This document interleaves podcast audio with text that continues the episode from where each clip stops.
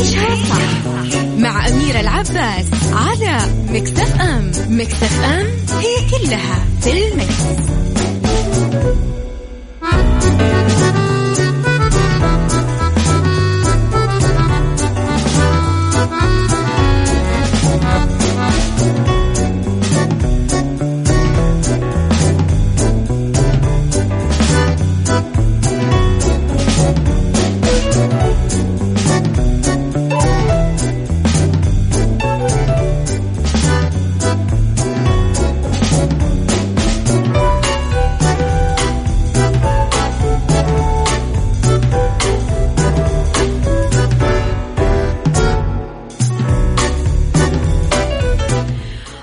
وتحياتي لكم مرة جديدة. لا تنسون ترسلوا لي رسائلكم الحلوة على الواتساب مكسف أم. معك وتسمعك على صفر خمسة أربعة ثمانية, ثمانية واحد, واحد سبعة صفر صفر. زهير بسيف صباح الفل. آه طيب اكتبوا لي بس اسماءكم يا جماعة. أبو عبد الملك يا صباح الفل. آه عندي خبر حلو. أمس انتشر فيديو للأمير الوليد بن خالد واللي يبدي نوعا آخر من الاستجابة مع محيطه.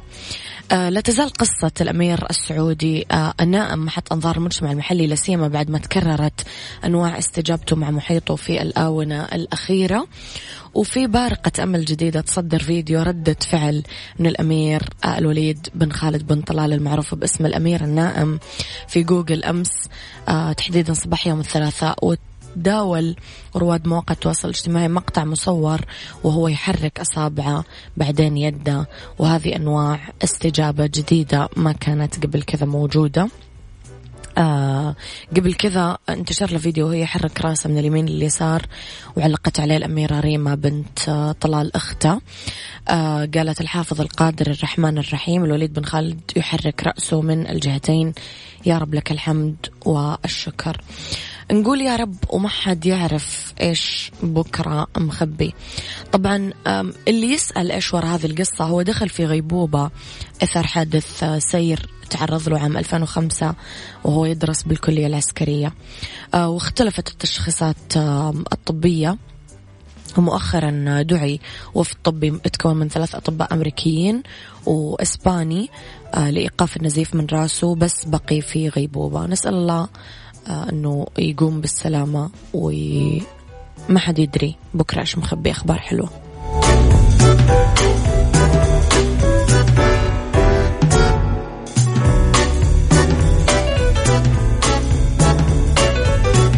عيشها صح مع أميرة العباس على مكتف أم. مكتف أم هي كلها في المكس.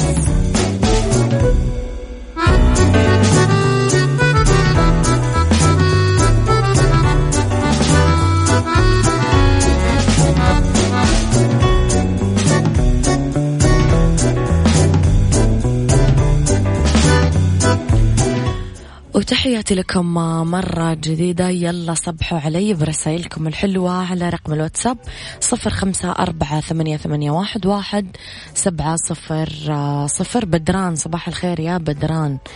آه لخبرنا الثاني وتيم حسن ينشر صورته من الهيبة.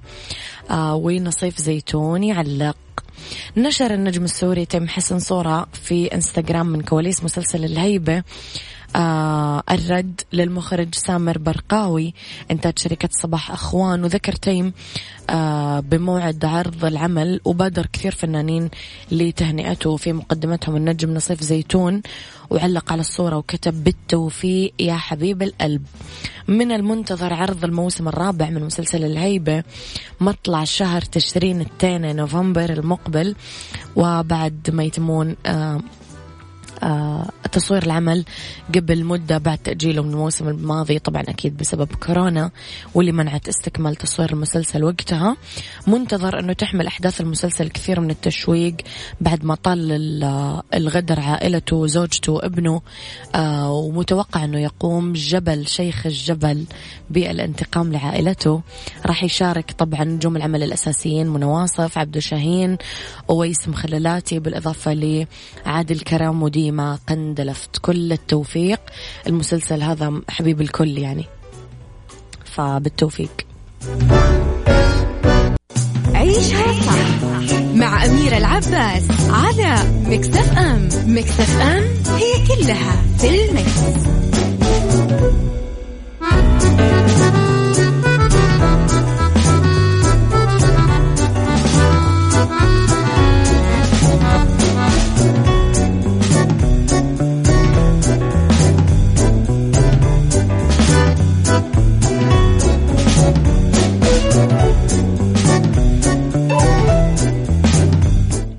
ال Mix. خبرنا الغريب في هذه الساعة؟ فيديو لرجل فلوريدا يشعل الإنترنت بوسيلة غير عادية. لفت رجل أمريكي الأنظار وابتكر وسيلة للتنقل من أدوات بسيطة كثير. والناس حبت الفيديو واستغربت بالشارع لما كان يمر من جنبهم. تمكن براين إدوارد كارس عمره 57 من لفت انتباه سكان منطقة كلير ووتر في فلوريدا. هذا الأسبوع لما شافوه ماشي في الشارع وهو قاعد بدلو مخصص لمسح الأرض وقاعد يدفع نفسه للأمام وهو يوجه الهواء الخارج من منفاخ أوراق الشجر لمظلة شمسية. وقاعدة تمشي هذه بكل يعني لا بنزين لا إزعاج لا كفرات مزعجة لا بواري في نص الليل. حاجة يعني رخيصة بسيطة بأقل الإمكانيات اللي موجودة ببيوتنا كلنا. خلاص ممكن تستخدمون سشوار على فكرة مو ضروري حق اوراق الشجر. فالموضوع مرة مريح وإيش سهلات يعني. خذ الموضوع كذا سهلات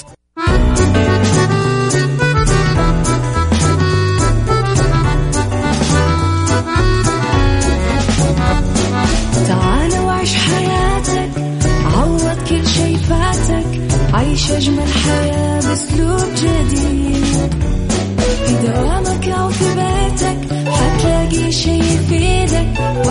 وحياتك إيه راح تتغير أكيد. رشاق ويتوكيت أنا في كل بيت. ما عيشها صح أكيد حتعيشها صح. في السيارة أو في البيت اضمعنا والتوفيق. تبغى الشيء المفيد ما عيشها صح. الآن عيشها صح مع أميرة العباس على مكتف أم مكتف أم هي كلها في المكس.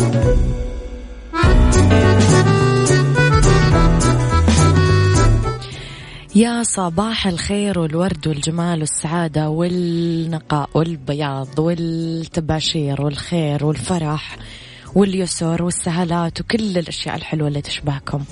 تحياتي لكم وين ما كنتم. صباحكم زي الفل وين ما كنتم. أحييكم من وراء ال mic وال control. أنا أميرة العباس. أرحب فيكم من وين ما كنتم تسمعوني من كل مناطق المملكة وتردداتنا عليها من تطبيق Mix FM على Android و iOS من آه أيضا آه آه، رابط البث المباشر على آه، كمبيوتراتكم لو كنتم تسمعوني من شغلكم. أحييكم آه، أكيد على أيضا رقم الواتساب Mix FM معك تسمعك على صفر خمسة أربعة ثمانية, ثمانية واحد, واحد سبعة صفر صفر وعلى at Mix FM Radio تويتر سناب شات إنستغرام وفيسبوك. دايما أخبارنا أول بأول كواليسنا تغطياتنا وأخبار الإذاعة والمذيعين.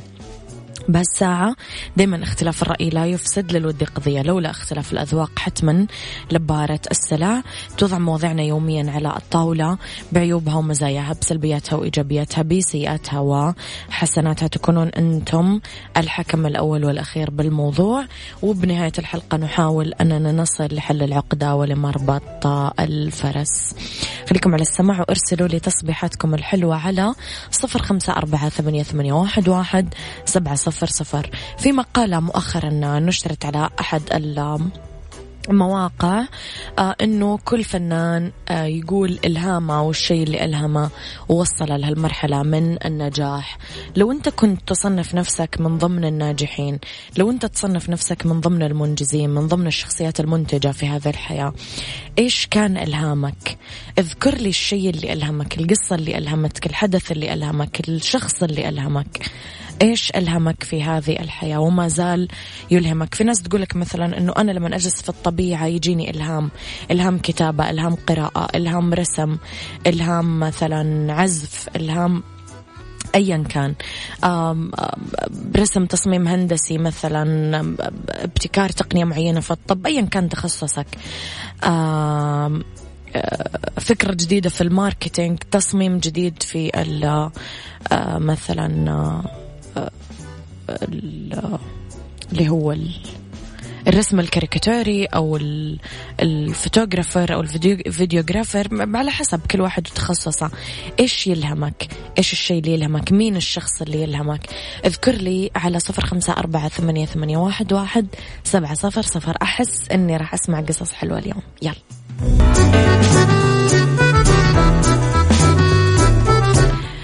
إذا إلى راعي ساعتنا الجميل الرز الأمريكي لفرح العيلة كلها بطعمه الرائع وفوائده الصحية بهالجملة الحلوة. نعود لموضوع حلقتنا. أحيي محمد الشيباني يسعد صباحك بكل الخير يا رب. تحياتي لك عدوية صباح الخير. السلام عليكم. توفيق العقيلي مصمم ومنفذ. بما أنك مصمم ومنفذ قول لي يا توفيق إيش الشيء اللي يلهمك؟ إيش الشيء اللي لما تعمله تحس انه يعني جاك الإلهام ويطلع معك التصميم بشكل أفضل. آه، صباح العسل والورد والياسمين مستمع لكم من 2013 سر قوتي دائما كان العلم وإلهامي وقود حياتي هي أمي. وتحياتي لكم من أخوكم عادل المالكي من جدة. يا حلوة الأمهات. ربي يرحم اللي ماتوا منهم ويغفر لهم. يا رب ويسكنهم فسيح جنانه ويخلي لنا ويطول بأعمار الباقي منهم. صباح الخير يا غيث. نتكلم اليوم عن الإلهام. نتكلم عن آه ال ال الرسائل اللي بعدها يطلع معنا شيء حلو. شخص ألهمنا حدث ألهمنا رسالة ألهمتنا حلم في منام بعد نومة ألهمنا حاجة تغيرت تغيير مفاجئ صار بحياتنا وألهمنا. دائما الإلهام يجي بعد شيء أو من وراء أحد معين يعدي في حياتنا. إيش ألهمك؟ إيش سر ألهامك؟ قولوا لي رأيكم على صفر خمسة أربعة ثمانية, ثمانية واحد, واحد سبعة صفر صفر.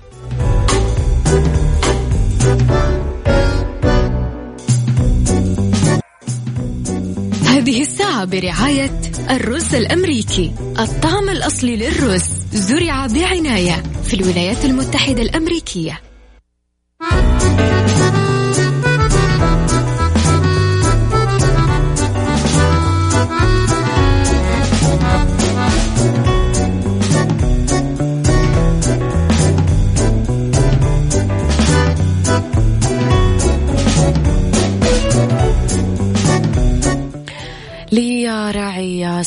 طبعا الثانية الرز الأمريكي بحبة كاملة مغذي وخفيف ويعطيك طاقة دوم طيب نرجع لموضوع حلقتنا.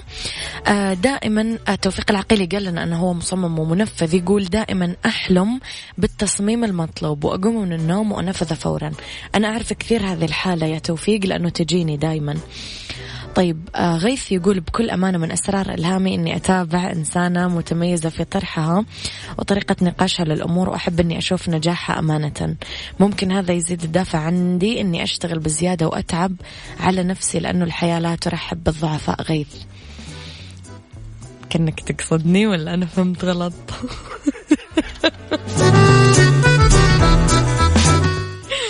طيب شكرا يا غيث لو أنت تقصدني وشكرا لو أنت تقصد غيري. أهم شيء يكون في أحد في الحياة يلهمك. أهم شيء إني انبرشت يا جماعة.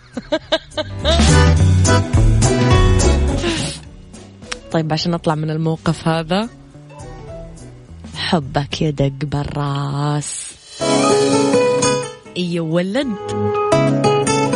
هذه الساعة. برعاية الرز الأمريكي. الطعم الأصلي للرز زرع بعناية في الولايات المتحدة الأمريكية. طيب يا جماعة غيث قال لي إيوه أنت كويس إني ما انبرشت على الفاضي. طيب إلى رسالة أبو عبد الملك. الإلهام ينساب بعدة أسباب ويتشكل بأشكال عديدة. قد يأتي من كتاب قرأته أو فيلم شاهدته أو رقصة أو تشجيع أشخاص نحبهم وخصوصا اللي يشبهوني ويتشكل على شكل خاطرة أو رسمة أو صورة أو فكرة. وبس تحياتي أبو عبد الملك. يعني الإلهام يا جماعة أغلى حاجة ممكن رب العالمين يعطيها للبني آدم. فدايما حافظوا على الشيء اللي يلهمكم. الشخص الأحداث المزاج. في ناس لو مزاجها مو حلو لا يأتيها الإلهام. فحافظوا على الإلهام كي يبقيكم داخل دائرة الشغف ويتجدد الأمل جواكم دايما وتجيكم الطاقة اللي تقدرون تنتجون فيها. أتمنى لكم دايما أعمال مليانة شغف ومليانة إنتاج ومليانة إلهام. الجمال عدى الكلام. هذه الناس اللي حابة جديد بس اللي حابين جديد. بالدنيا صحتك برعاية مستشفيات ومراكز مغربي على مكسف أم.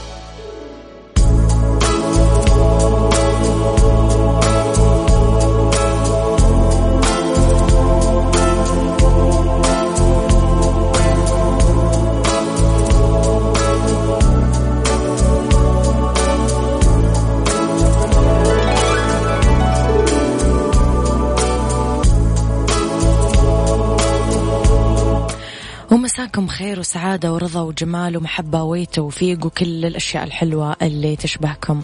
أحييكم وين ما كنتم من وين ما كنتم آه، تسمعوني. من وراء ال mic وال control أميرة العباس أولى ساعات المساء آخر ساعات برنامج عيشها صح. طبعا آه، كل يوم اثنين ويوم أربعاء راح يكونون معنا أكيد آه، مستشفيات ومراكز مغربي. واسمحوا لي أرحب بضيفي اليوم هاتفيا دكتور عبد الله العسيري رئيس الكادر الطبي مستشفيات ومراكز مغربي بالمنطقة الوسطى استشاري أول القرنية والمياه البيضاء وجراحات الليزك واستشاري بمستشفى الملك خالد التخصصي للعيون سابقا وأستاذ إكلينيكي مساعد جامعة الملك سعود.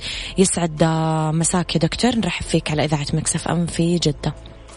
أهلا وسهلا الله يحييكم وفرصة طيبة وشكرا للاستضافة. الله يعطيك العافية. الله يعطيك العافية دكتور نرحب فيك أكيد دكتور في الآونة الأخيرة اشتهرت كثير تقنية الليزك أو عمليات تصحيح النظر بمعنى أصح هل في تقنيات لتصحيح النظر آه، خلاف الليزر أو الليزك؟ آه بالنسبة لتقنيات تصحيح النظر طبعا يعني الآن يعني الآن تقريبا وصلنا لحوالي 30 سنة يعني بداية اللي هو الإكزيمر ليزر اللي هو نعم. التقنية الأخيرة اللي, اللي يعتمد عليها الآن في تصحيح النظر.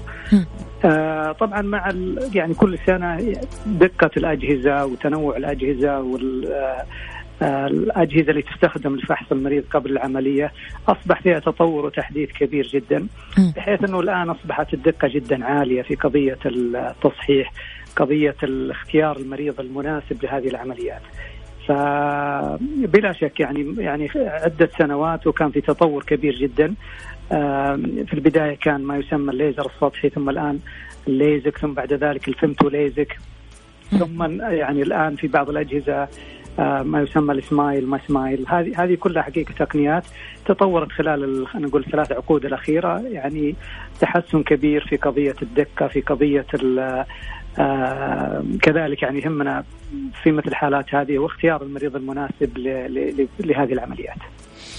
طيب دكتور هذا راح يوديني للسؤالين الجاية. في البداية مع وجود أكثر من تقنية اليوم لتصحيح الأبصار اليوم العوامل اللي تحدد لي أنا ككيس أو كمريض رايح أعمل عملية لتصحيح النظر إيش العملية الأنسب لكل مريض وبناء على إيش تتحدد؟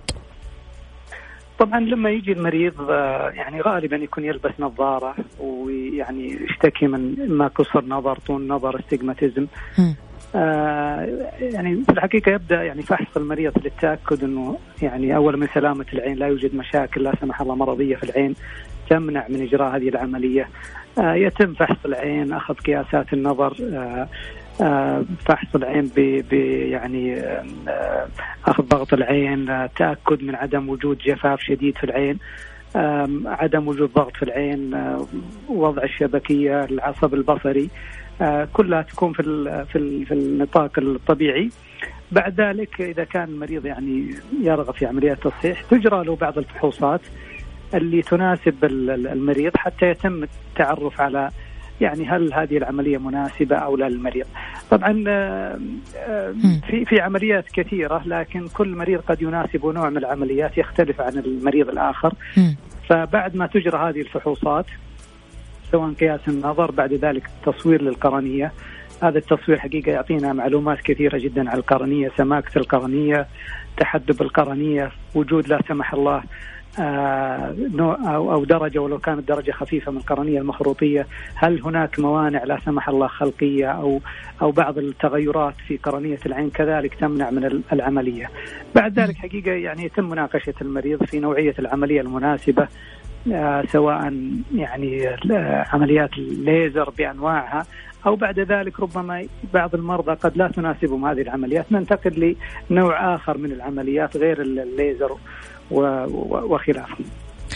طيب دكتور أحيانا نسمع الأطباء يتكلمون عن موضوع السن فيما يخص عمليات آه، تصحيح الأبصار أو تصحيح النظر، هل في سن محدد دكتور لازم ما يكون مثلا المريض أصغر منه أو أكبر منه؟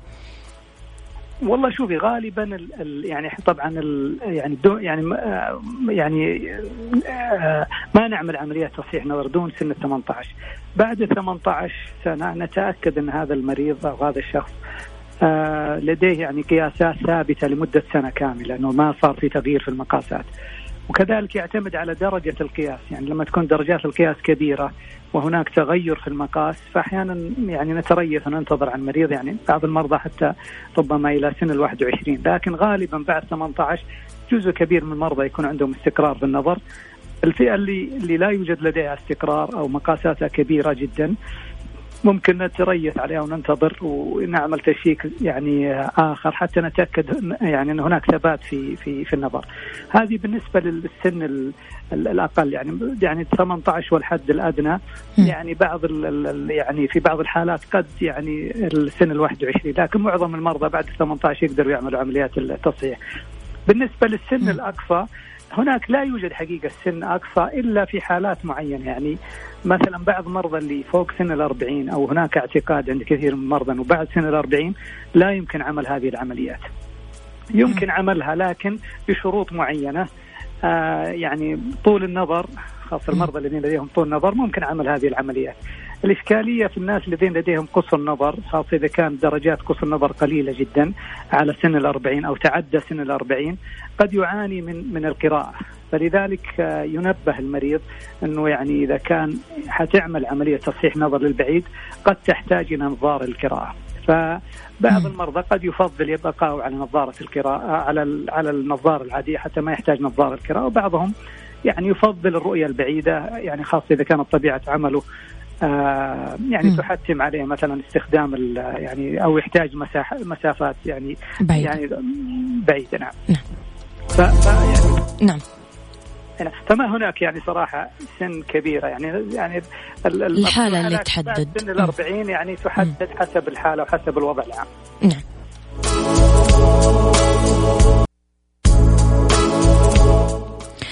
تحياتي لكم مرة جديدة. تحياتي لضيفنا اليوم دكتور عبد الله عسيري. دكتور معنا أحد الأسئلة لو تسمح لي أخذها؟ اي تفضلي طيب دكتور مريض سكر من النوع الثاني من عام 1998 عمره 42 سنة. صار عنده اعتلال بشبكية العين عمل جلسات تصحيح بالليزر بالعينين. آه، في إحدى المستشفيات وبعدها الطبيب أحوله لاستشاري شبكية. بعدها بكم شهر صار له نزيف بالعين وعمل عملية إزالة آه، كاتراكت والأمور مستقرة. وبعدين عمل فحوصات بعد عيد الفطر السنة الماضية وفحص التصوير بالصبغة. والدكتور طمنا أنه وضع الشبكية مستقر. آه، يقول أنه يحتاج لخلع النظارة كل مرة. يحتاج يقرأ كلام مكتوب بخط صغير وأقرب أكثر عشان يشوف كويس. هل لهذا علاقة بنوع العدسة اللي انزرعت ولا مكان العدسة طبيعية وإيش الحل؟ هل تصحيح النظر ممكن بالنسبة للأشخاص اللي يعانون من درجة الانحراف الاستجماتيزم العالية ولا لا؟ إيش تنصح الحالة هذه يا دكتور؟ طيب بالنسبة للمريض آه طبعا هو يعاني يعني لديه سكر ويعني أصبح عنده يعني بعض المشاكل أو بعض المضاعفات. من السكري في شبكية العين. يعني كما ذكر في السؤال نزيف رشح بشبكية العين احتاج جلسات ليزر للعلاج الرشح والنزيف.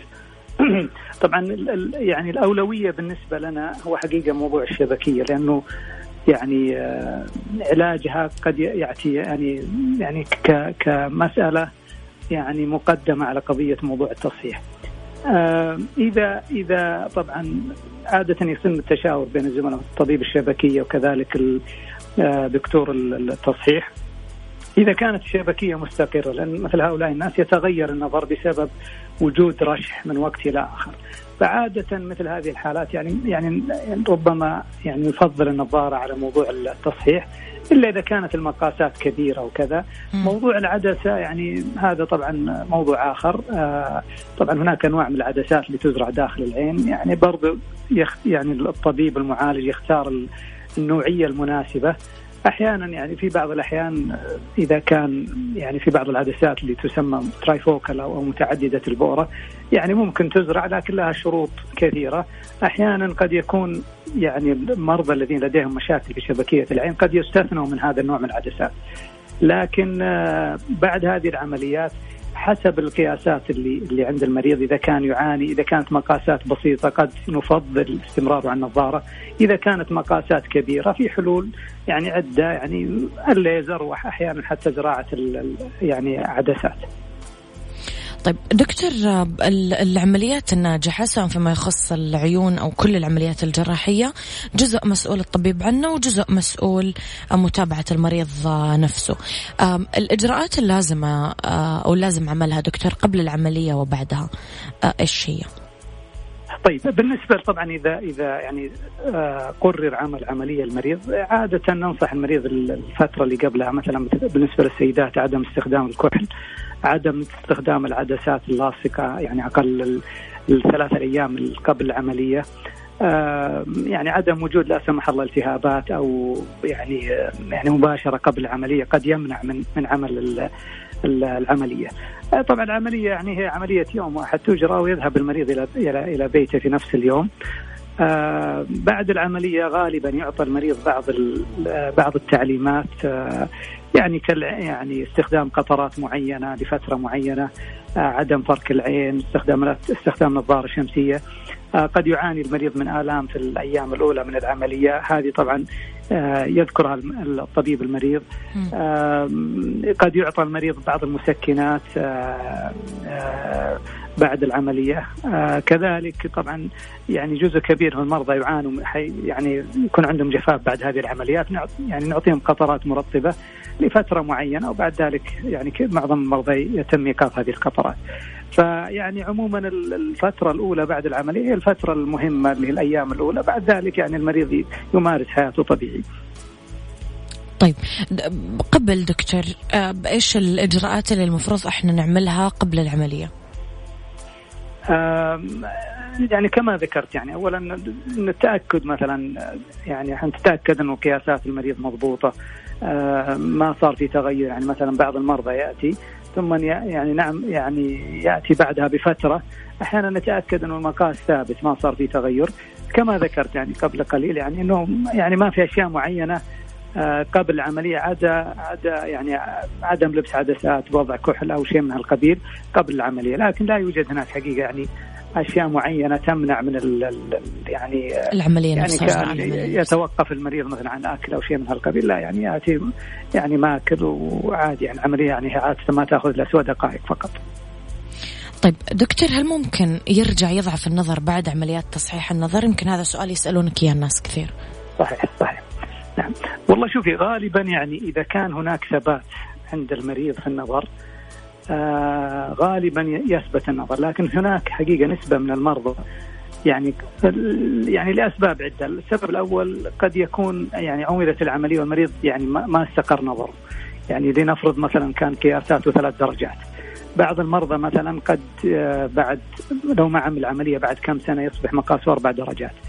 فهو عمل العملية وكان مقاسه ثلاث درجات، فربما بعد فترة ينقص النظر. ليس بسبب العملية لكن بسبب أنه النظر ما زال يعني غير مستقر. هذا واحد.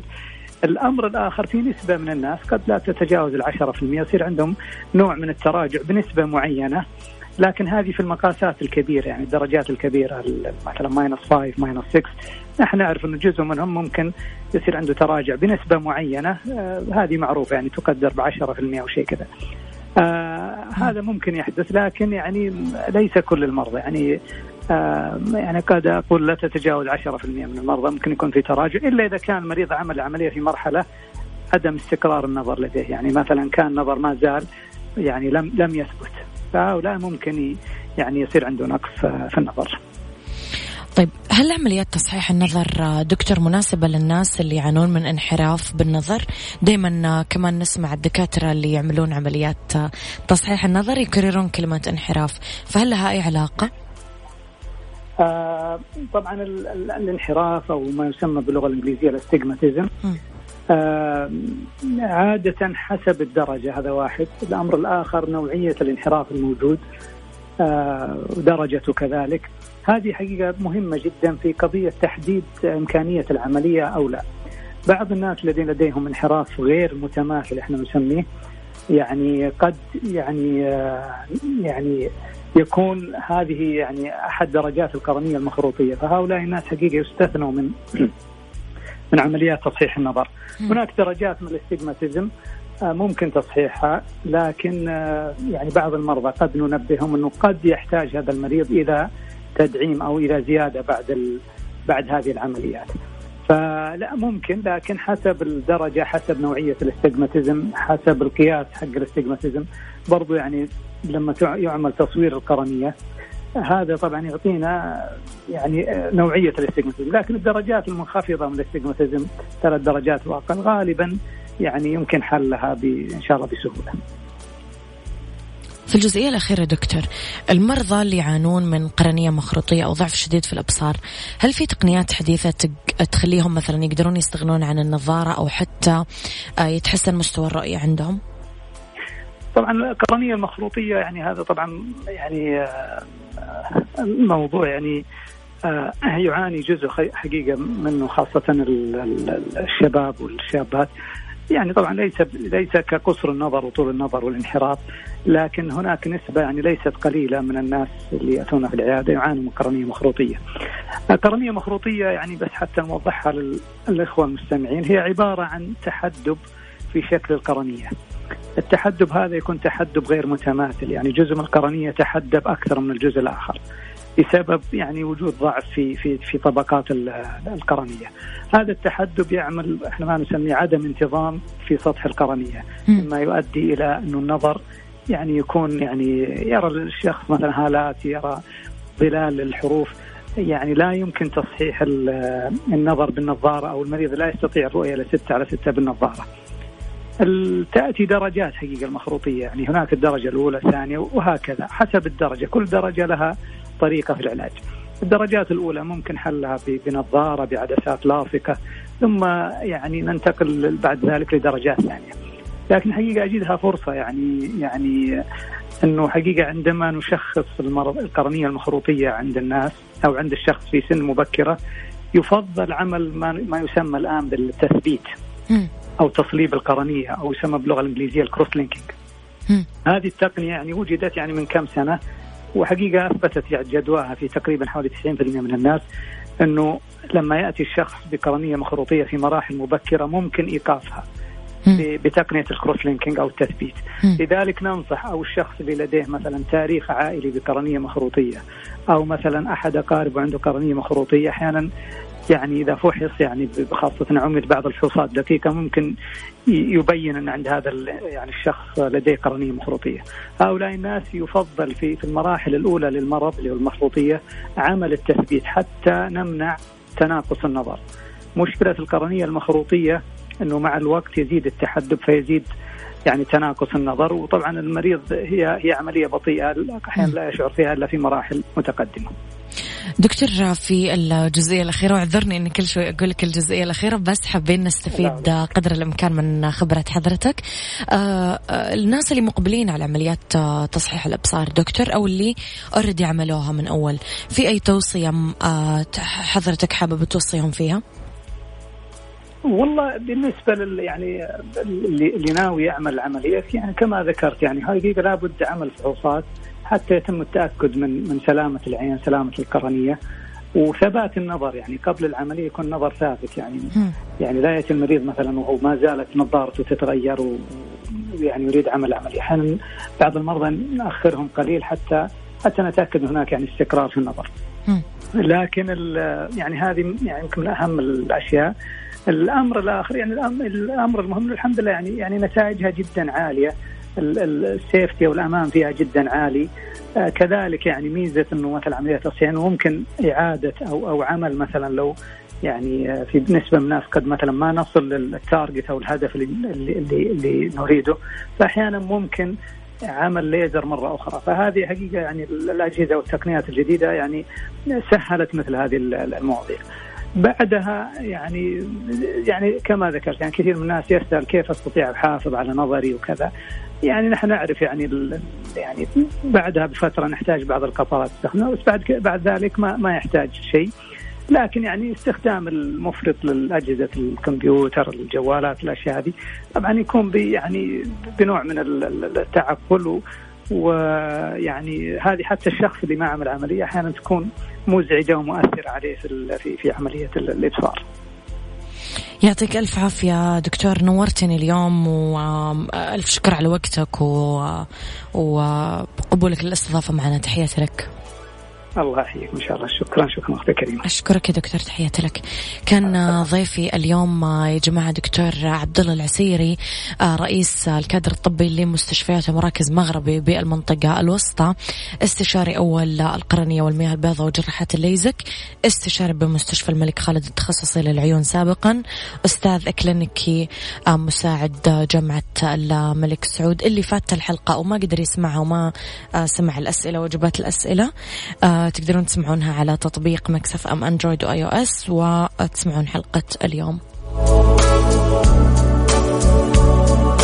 هذا كان وقتي معاكم كونوا بخير. واسمعوا صح من الأحد للخميس من عشرة صباح الواحد الظهر كنت معاكم من وراء ال mic وال control أميرة العباس.